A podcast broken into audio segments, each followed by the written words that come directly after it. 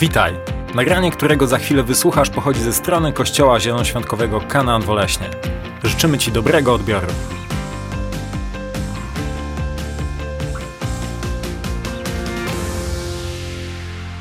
Ten, który pogodził się z klęską, któż go podniesie?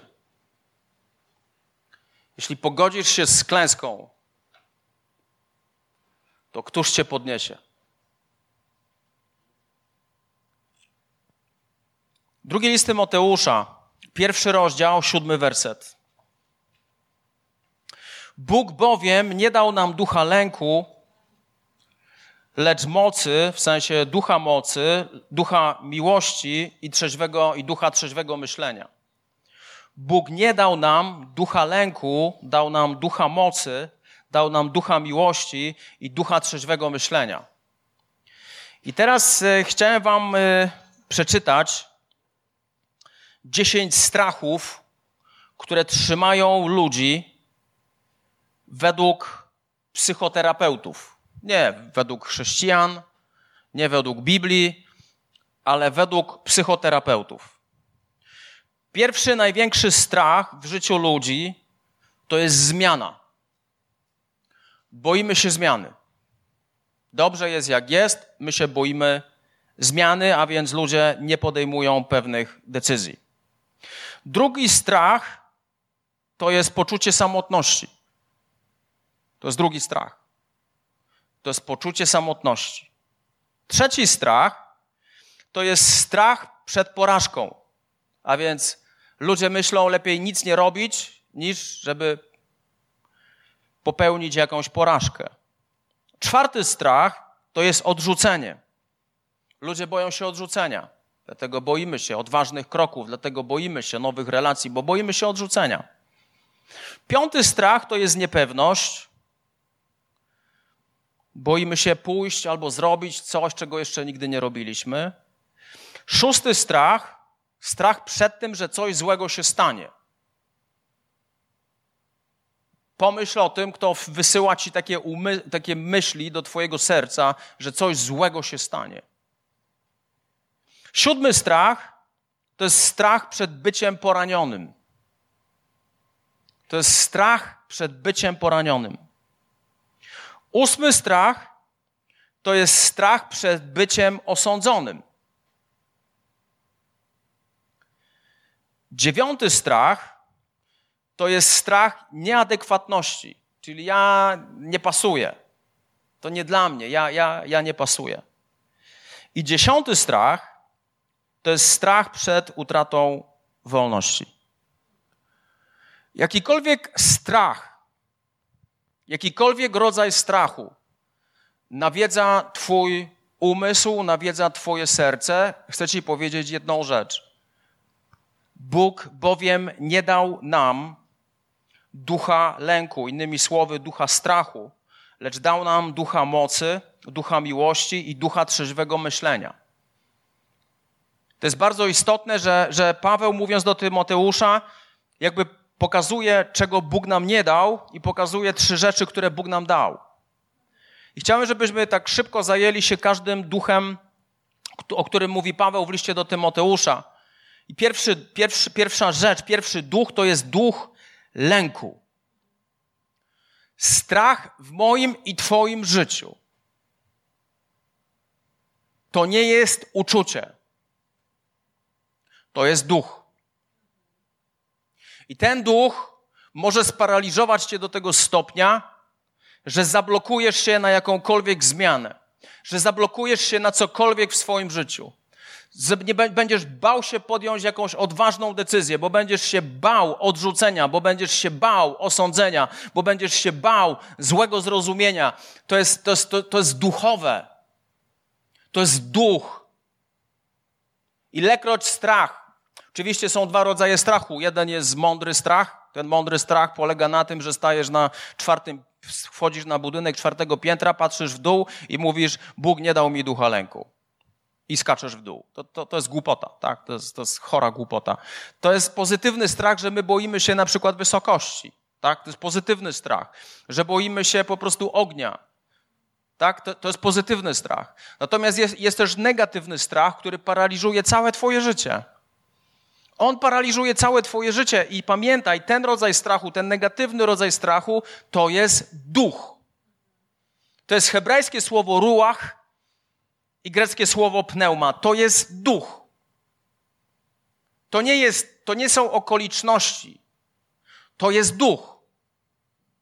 Pomyśl o tym w taki sposób, ile rzeczy mogłoby się zmienić w Twoim życiu, gdybyś nie poddał się temu duchowi. Duchowi strachu. Tu nie ma żadnego przeduchawiania. Biblia mówi nam o tym, że to jest duch.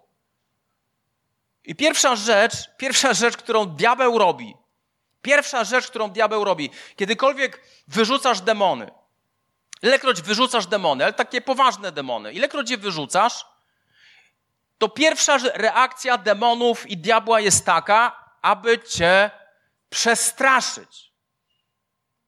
To jest, to jest numer stary jak świat, dosłownie. Demony robią wszystko, aby cię przestraszyć. Zaczynają szydzić z siebie, zaczynają się zachowywać agresywnie, po to, żeby cię przestraszyć. I jeśli ty się temu poddasz, to przegrałeś. A jeśli to zignorujesz, wręcz wyśmiejesz, ustanawiasz scenę do dalszej walki. Diabeł zawsze, ale to zawsze, będzie próbował cię przestraszyć, bo strach cię sparaliżuje.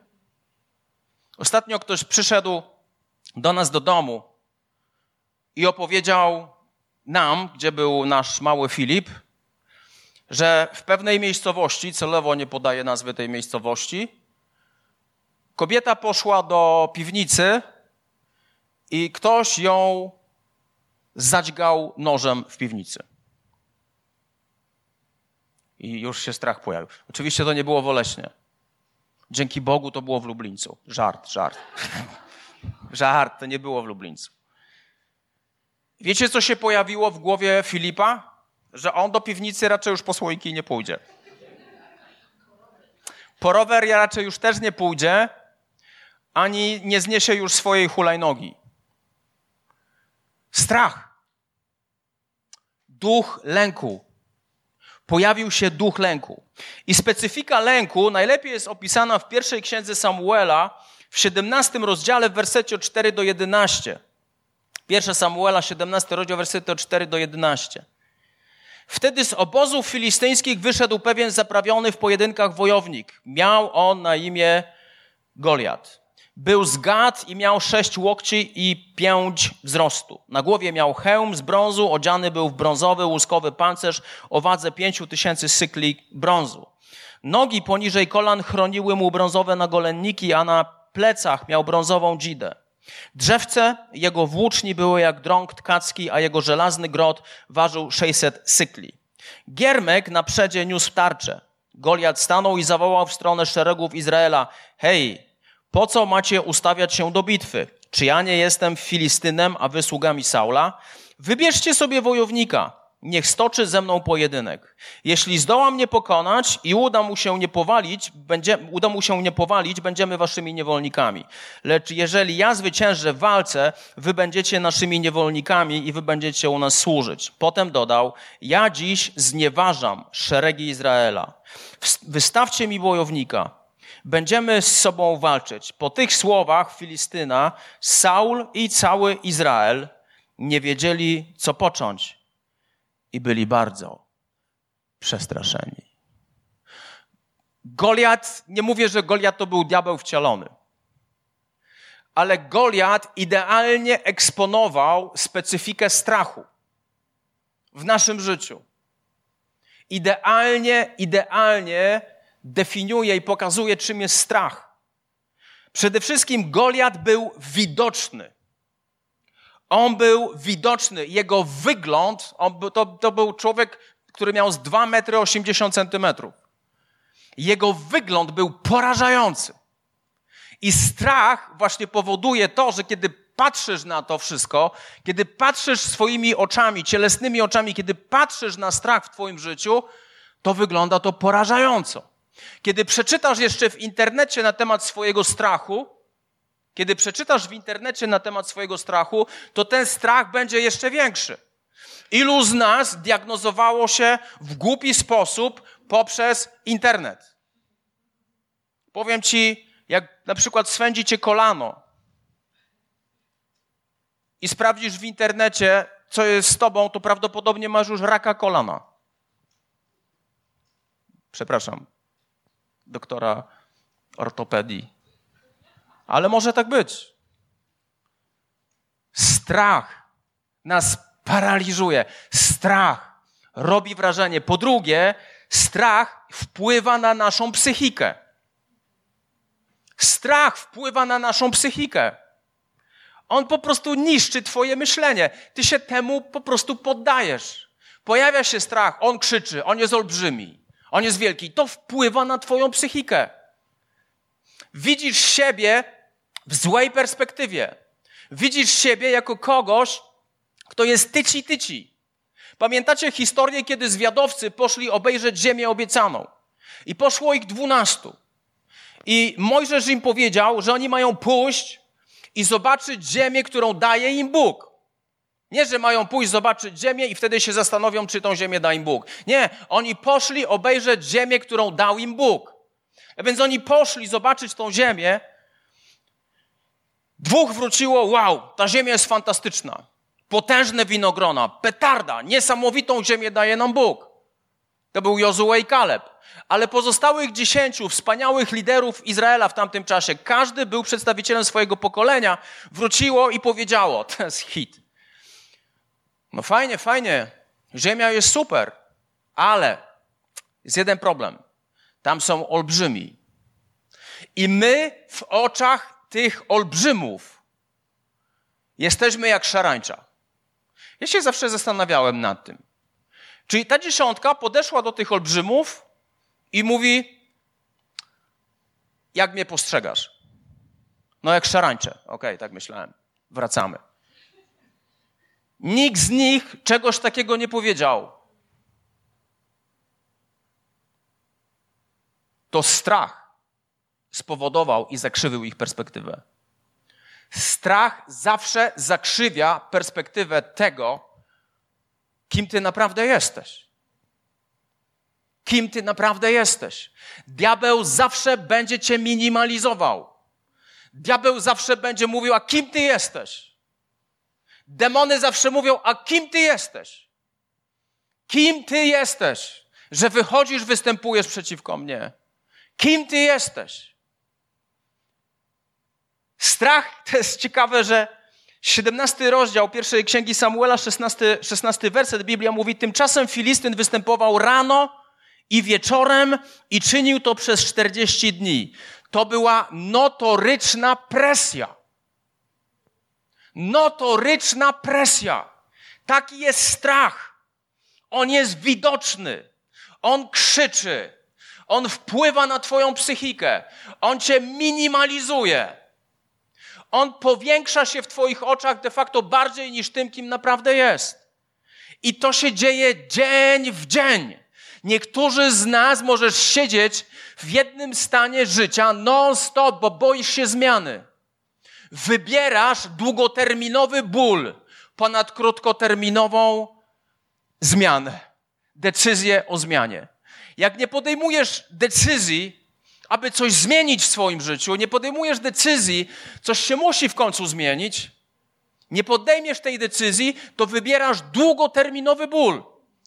Później ten długoterminowy ból powoduje, że chodzisz zdołowany, że jesteś non-stop smutny, nic nie będziesz robił, bo się ciągle boisz, jesteś apatyczny, jesteś człowiekiem, który ciągle i ciągle kręci się wokół siebie. Aż do tego stopnia. Notoryczna presja.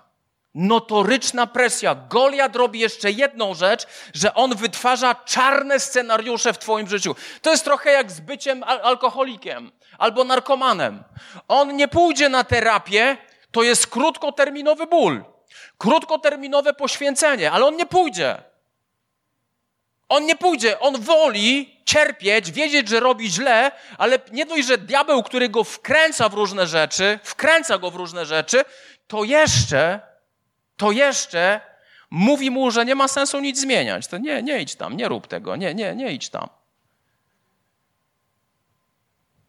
Wybieramy krótkoterminowy, wybieramy długoterminowy ból.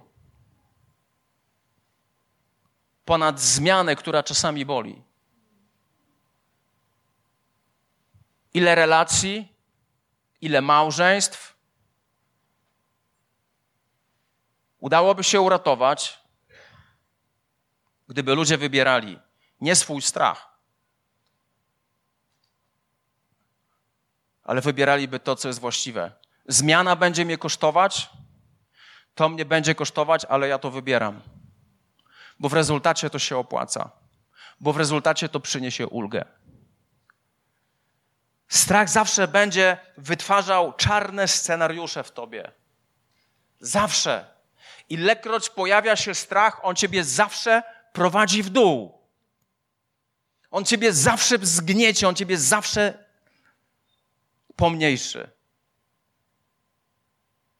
Amen? Niestety, amen.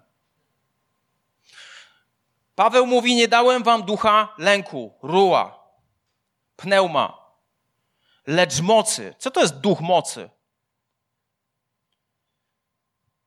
I musisz zrozumieć jedną rzecz. To jest piękne.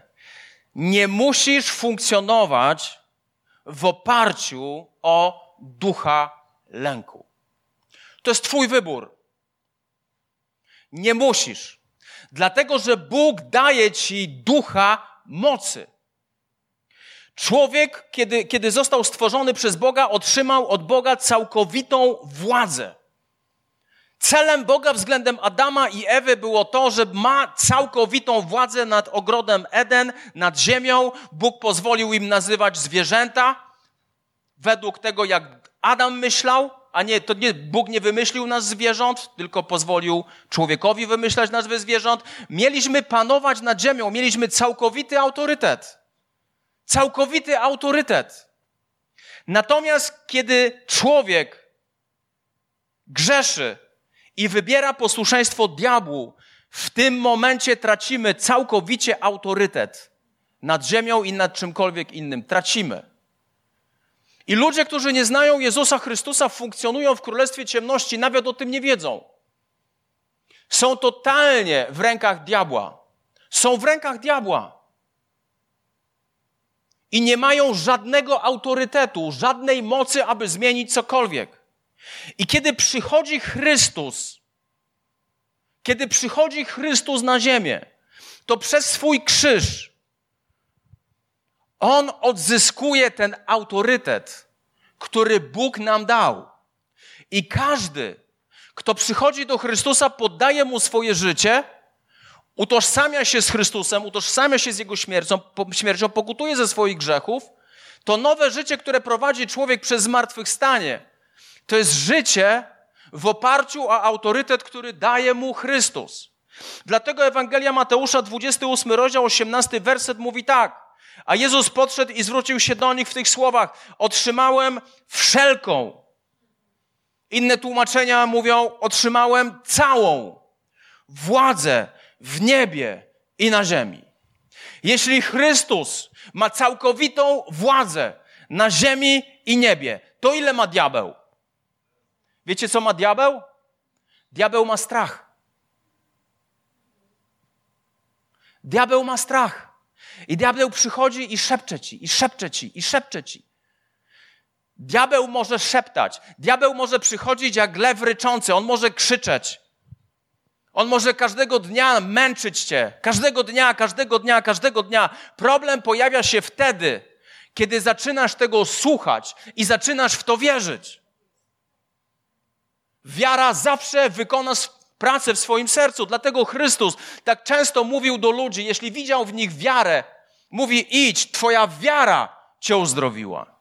Albo idź, niech ci się stanie według twojej wiary. My musimy zrozumieć, my jesteśmy, ludzie są istotami duchowymi.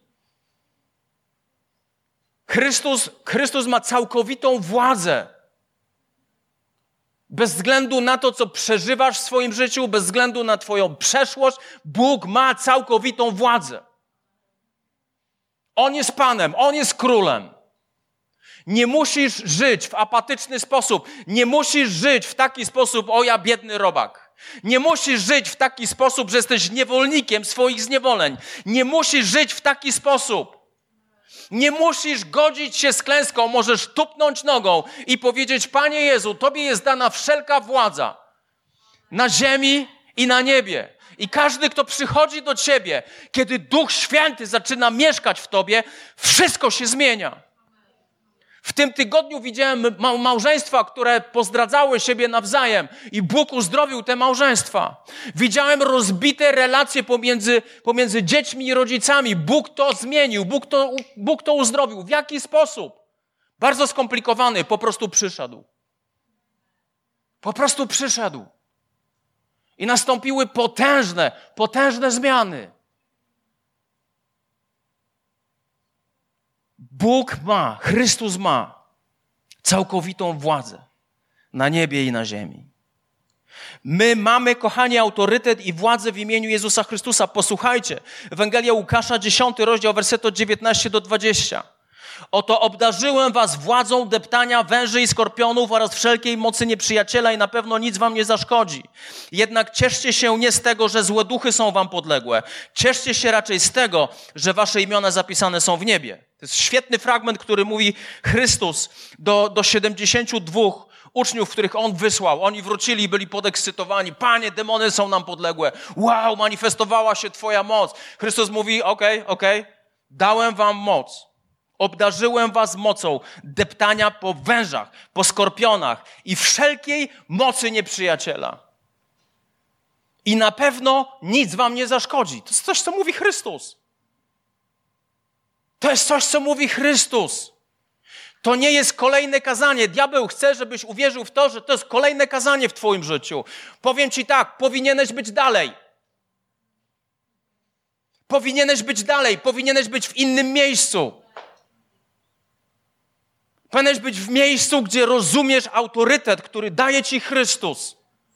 Powinieneś być w miejscu, że nie jesteś niewolnikiem lęku, że nie jesteś niewolnikiem strachu, ale jesteś sługą Pana Boga. Bo Jana 10:10 10 mówi o tym, że ja przyszedłem, aby dać wam życie. Jakie życie? W obfitości.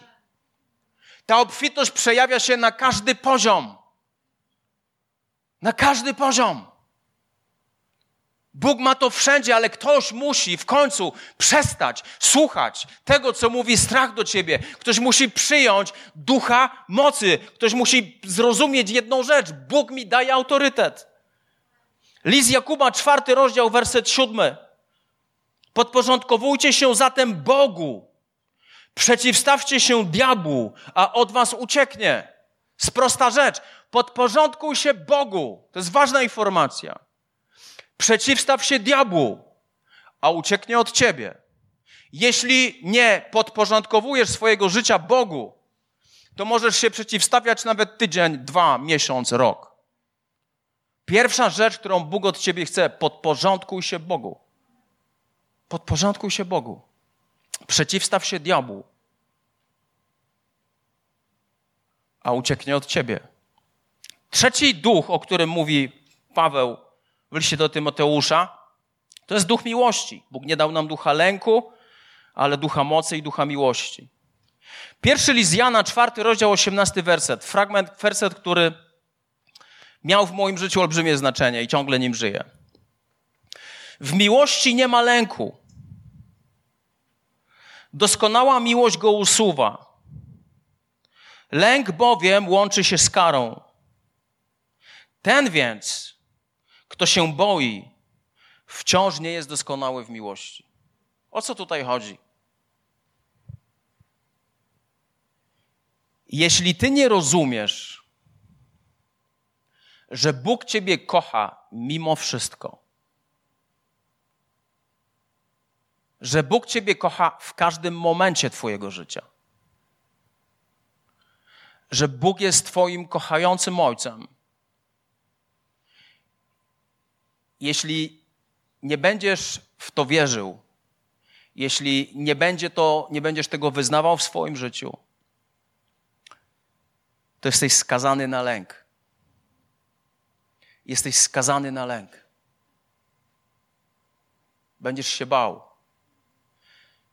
Jakiekolwiek okoliczności w Twoim życiu, ilekroć zaczynasz się bać, tam, gdzie zaczynasz się bać, pokazujesz obszar, gdzie nie ufasz Panu Bogu. Lęk, lęk uwidacznia obszar, gdzie nie ufasz Bogu. Lęk uwidacznia obszar, gdzie nie ufasz Bogu. Jeśli boisz się o swoje finanse, to pokazuje to jedną rzecz. Na tą chwilę nie ufasz Bogu jako Bogu, który jest Twoim zaopatrzeniem. Jeśli boisz się o swoje zdrowie, zaufaj Bogu, który jest Twoim lekarzem. I wcześniej czy później przyjdzie uzdrowienie do Twojego życia. Jeśli nie ufasz Bogu odnośnie tego, Panie, czy ja kiedyś będę miała męża, czy ja kiedyś będę miał żonę, nie ufasz Bogu, który powiedział niedobrze człowiekowi być samemu.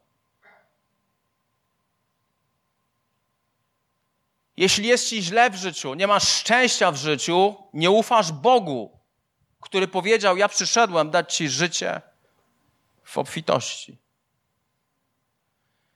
Tam, gdzie nie ma Bożej, nie, nie ma, nie, nie, obszar, w którym nie ma Bożej miłości, gdzie, gdzie nie, musisz zrozumieć, Bóg, Bóg Ciebie kocha, bo w miłości nie ma w ogóle, w ogóle żadnego lęku. Doskonała miłość go usuwa. Doskonała miłość, kiedy zrozumiesz, jak bardzo Bóg Ciebie kocha, strach przed, przestanie nad Tobą panować.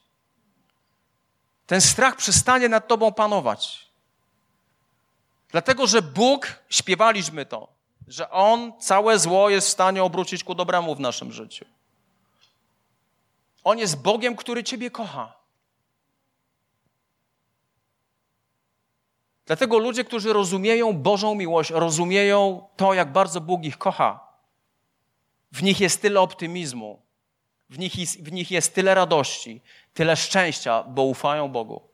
I cokolwiek by się nie działo, wiedzą, że wpadną w siatkę Bożej miłości.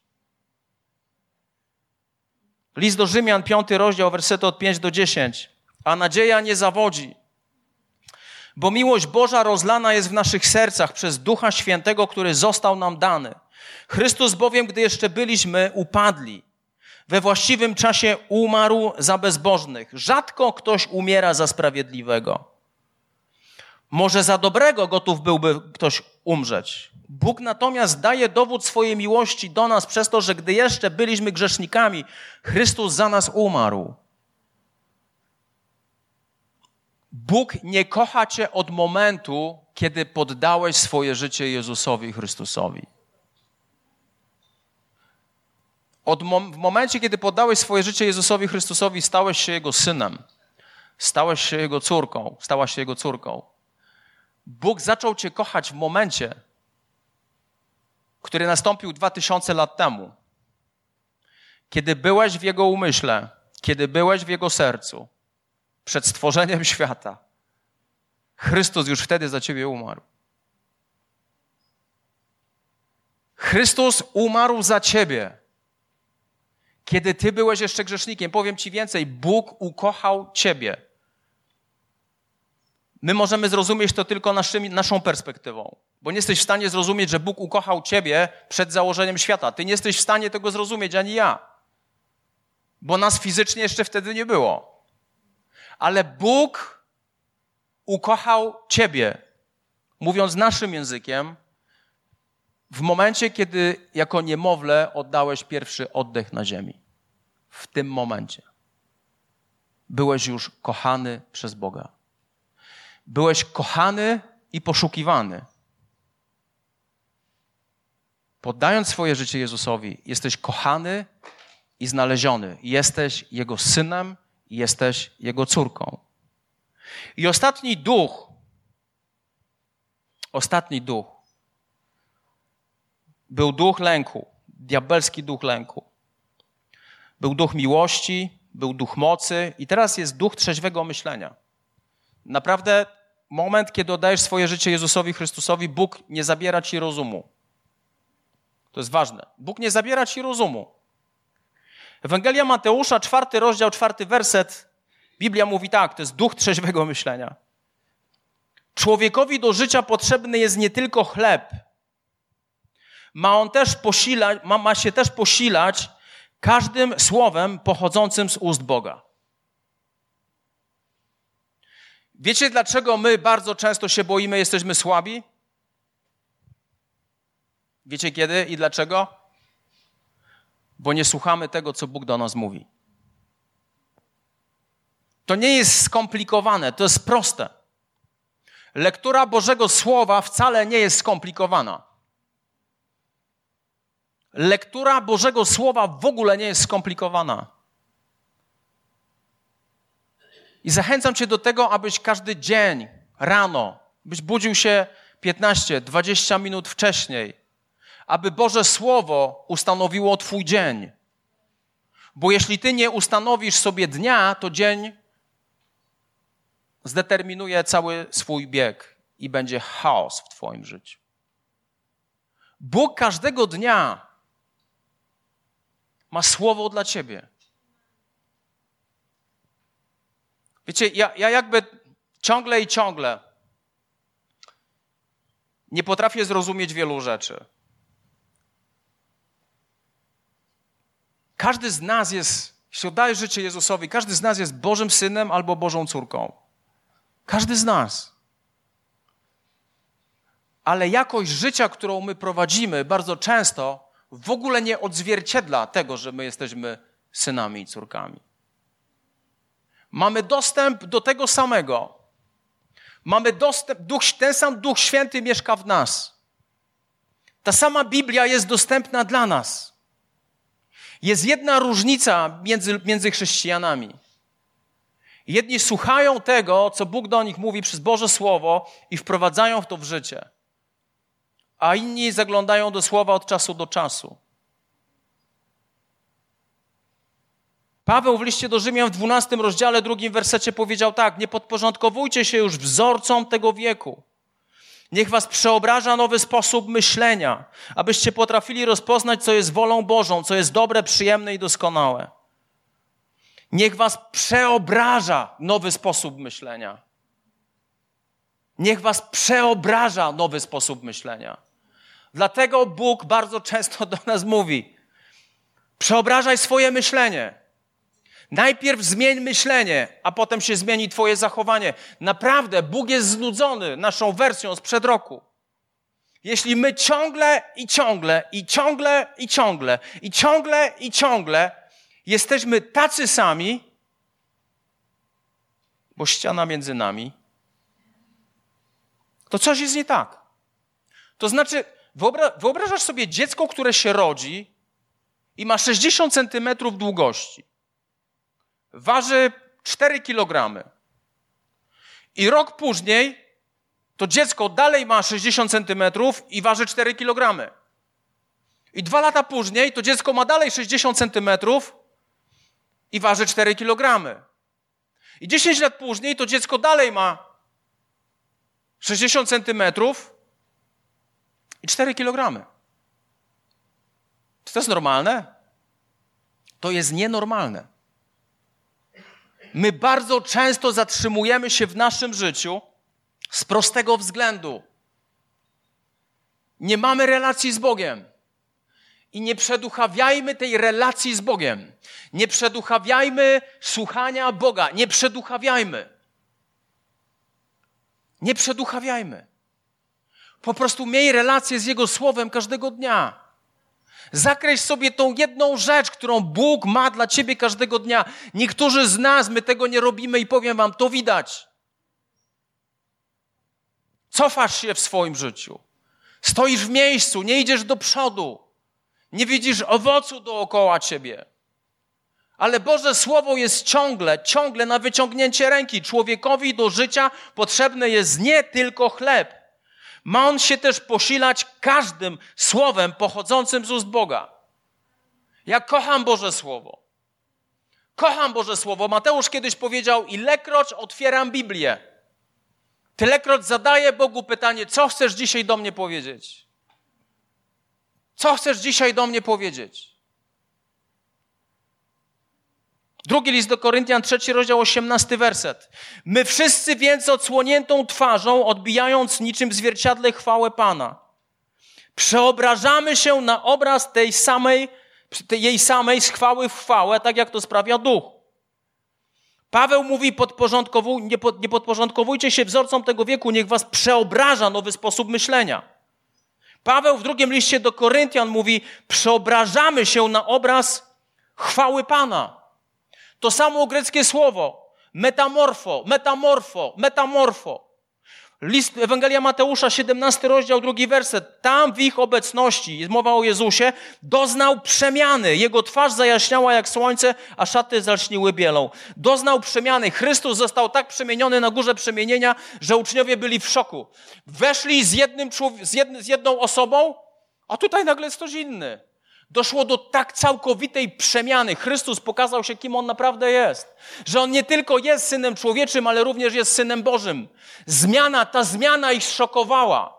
I zmiana, która następuje w naszym życiu, kiedy czytamy Boże Słowo i wprowadzamy je w życie, to ma być zmiana, która szokuje. Ta zmiana, której doświadczamy, ilekroć spędzamy czas z Bogiem, przeobrażamy się na obraz tej samej, tej, tej, tego, tej chwały Pana, z chwały w chwałę.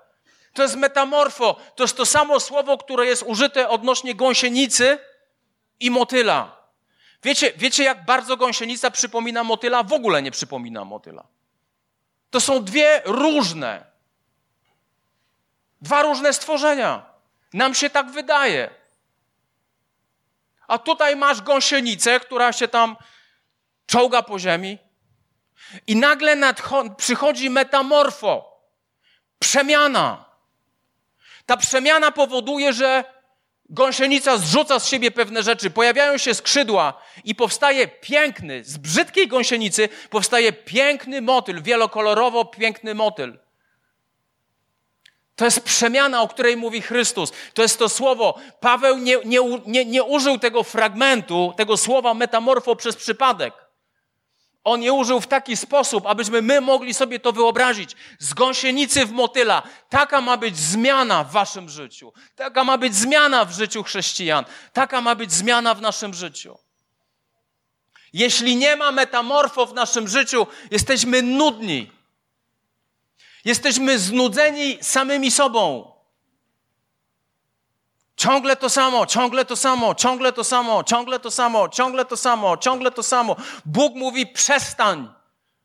Zacznij czytać Boże Słowo, przebywać z nim, nastąpi metamorfo w Twoim życiu.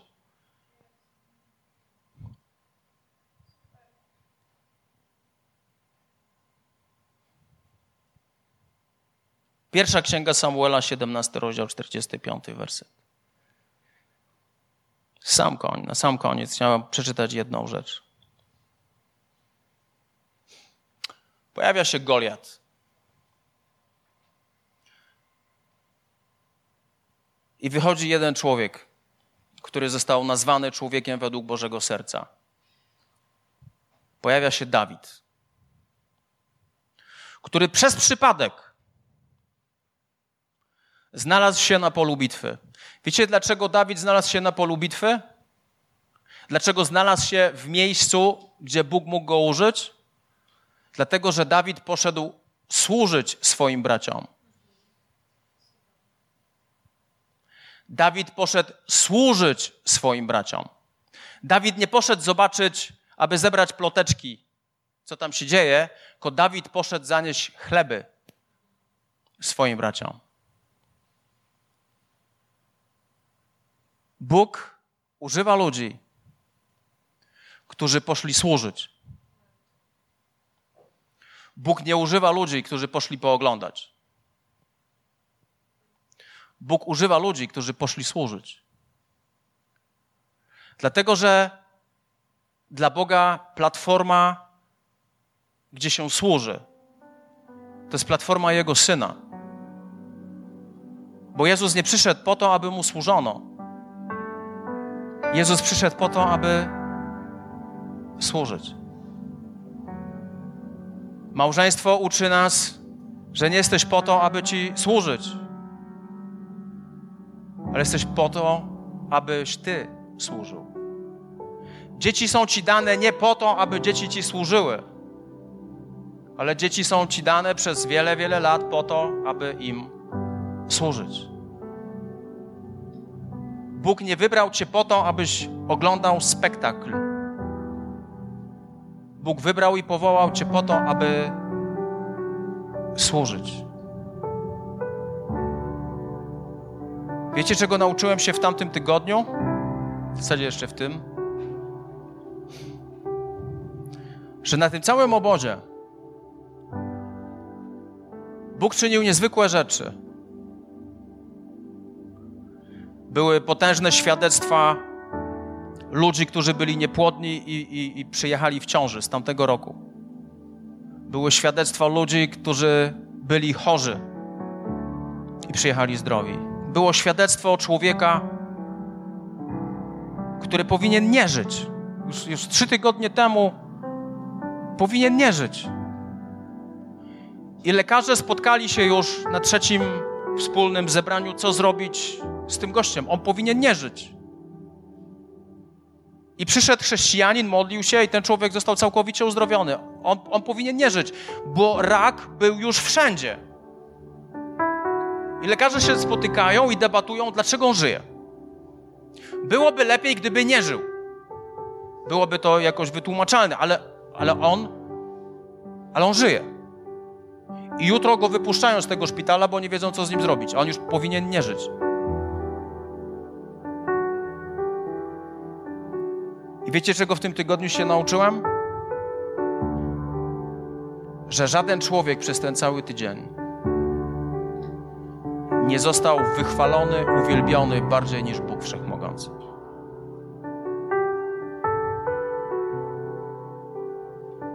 Nie mówiło się kto co. Mówiło się, że Bóg przyszedł i zmienił rzeczywistość. Bóg przyszedł i zmienił rzeczywistość.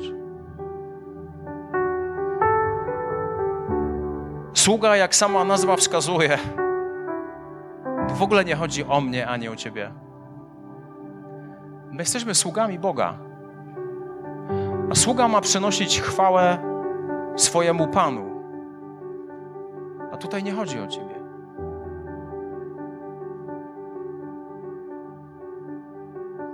I wyszedł Dawid w pierwszej księdze Samuela, 17 rozdziale, 45 wersecie. I Dawid powiedział do Goliata, do tego ducha strachu: Ty wyszedłeś do mnie z mieczem, z włócznią i z dzidą. A ja wyszedłem do ciebie w imieniu Pana zastępów, Boga szeregów Izraela, które znieważyłeś.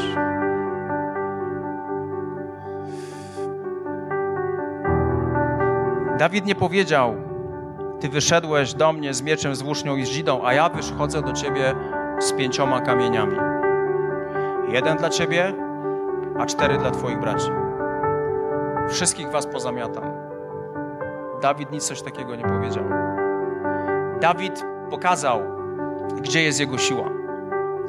Nie w kamieniu, bo bitwa z Dawidem nie została, nie została wygrana przez kamień Dawida ani przez proce Dawida. Dawid zwyciężył przez to, komu wierzył. Dawid wierzył przez to, zwyciężył przez to, komu wierzył. Ty wyszedłeś do mnie z mieczem, z włócznią, z dzidą. Ty wyszedłeś do mnie z chorobą. Ty wyszedłeś, aby zniszczyć moje małżeństwo. Ty wyszedłeś, aby zabrać mi dzieci. Ty wyszedłeś, aby uczynić mnie niepłodnym. Ty wyszedłeś, aby uczynić mnie singlem do końca życia. Ty wyszedłeś, aby uczynić mnie ubogim. Ty wyszedłeś, aby czynić mnie kimś, kto jest, kto w ogóle nie wierzy w siebie. Ty wyszedłeś, aby uczynić ze mnie ofiarę, ale ja wychodzę do Ciebie w imieniu Pana zastępów, Boga szeregów Izraela, który Ty, diable, które Ty, diable, zniewożyłeś.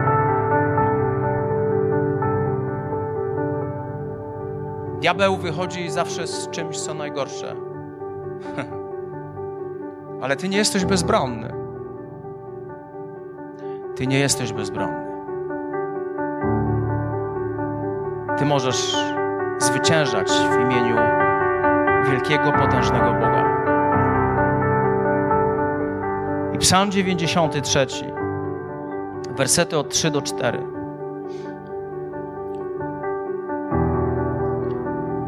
Psalmista modli się tak: Panie, wzbierają rzeki, podnosi się poziom wody. Coraz głośniejszy ich szum. Widzę, wzbierają się, podnosi się poziom rzeki. Słyszę ich szum. Rzeki podnoszą swoje groźne fale. A więc rzeki nie, że się podnosi poziom, ale pojawiają się fale, które mogą mnie zniszczyć. Lecz nad odgłosem tych wielkich, nieprzebranych wód, ponad bałwanami potężnego morza, o wiele wyżej, Ty królujesz, o Panie. Ponad wszystkim króluje Bóg.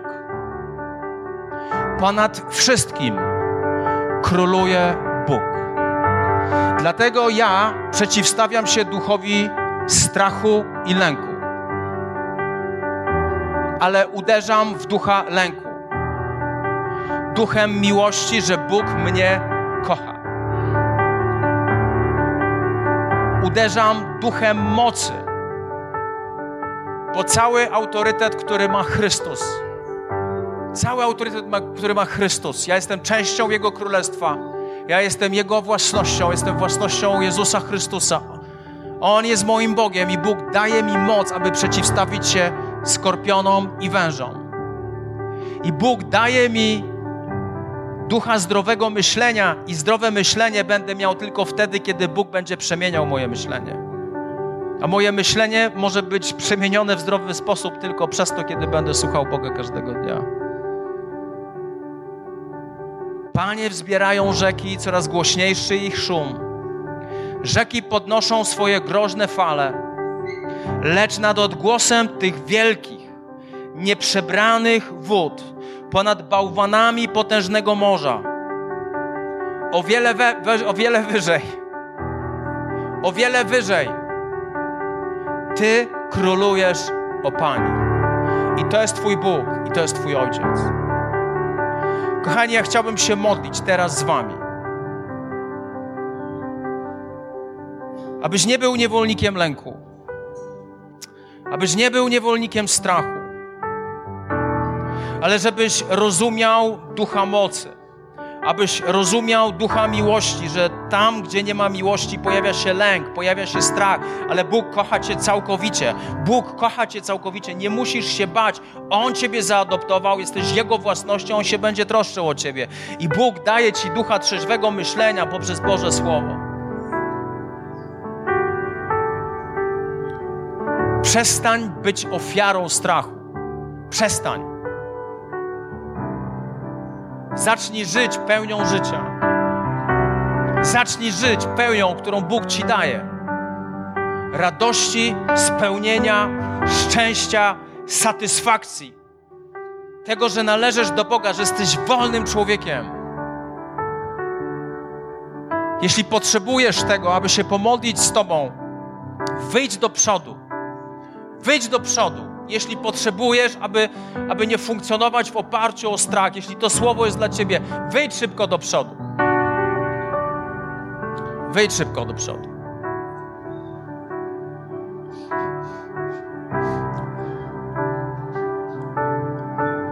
Halleluja, Duchu Święty. Halleluja, Duchu Święty. Halleluja, Duchu Święty. Halleluja, Duchu Święty. Halleluja, Panie Jezu. Ale tego, kto pogodził się z klęską, kto podniesie? Ale tego, kto pogodził się z klęską, kto podniesie? Wiecie, w co ja wierzę? Jak patrzę na Wasze życie to wierzę w silne Boże kobiety. Wierzę w silnych Bożych mężów. Wierzę w silne małżeństwa, jeśli je masz. Wierzę w silne wasze dzieci, pomimo tego, że może teraz tego nie widzisz. Widzę Ciebie jako człowieka, który, bo to jest Twoje powołanie, to jest, to jest Twoja tożsamość, to jest Twój autorytet, który Chrystus Ci daje. Widzę Cię jako tego, który zwycięża. Widzę Cię jako tego, który, który depcze po wężach i skorpionach. Bóg, Bóg widzi w Tobie zwycięzcę. Nie miej, syndro, nie miej syndromu ofiary. Przeciwstaw się.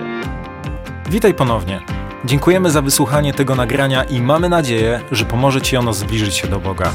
Jeśli dziś podejmujesz decyzję o zaufaniu Jezusowi i uznaniu Go Twoim Zbawicielem, to chcemy Ci pogratulować.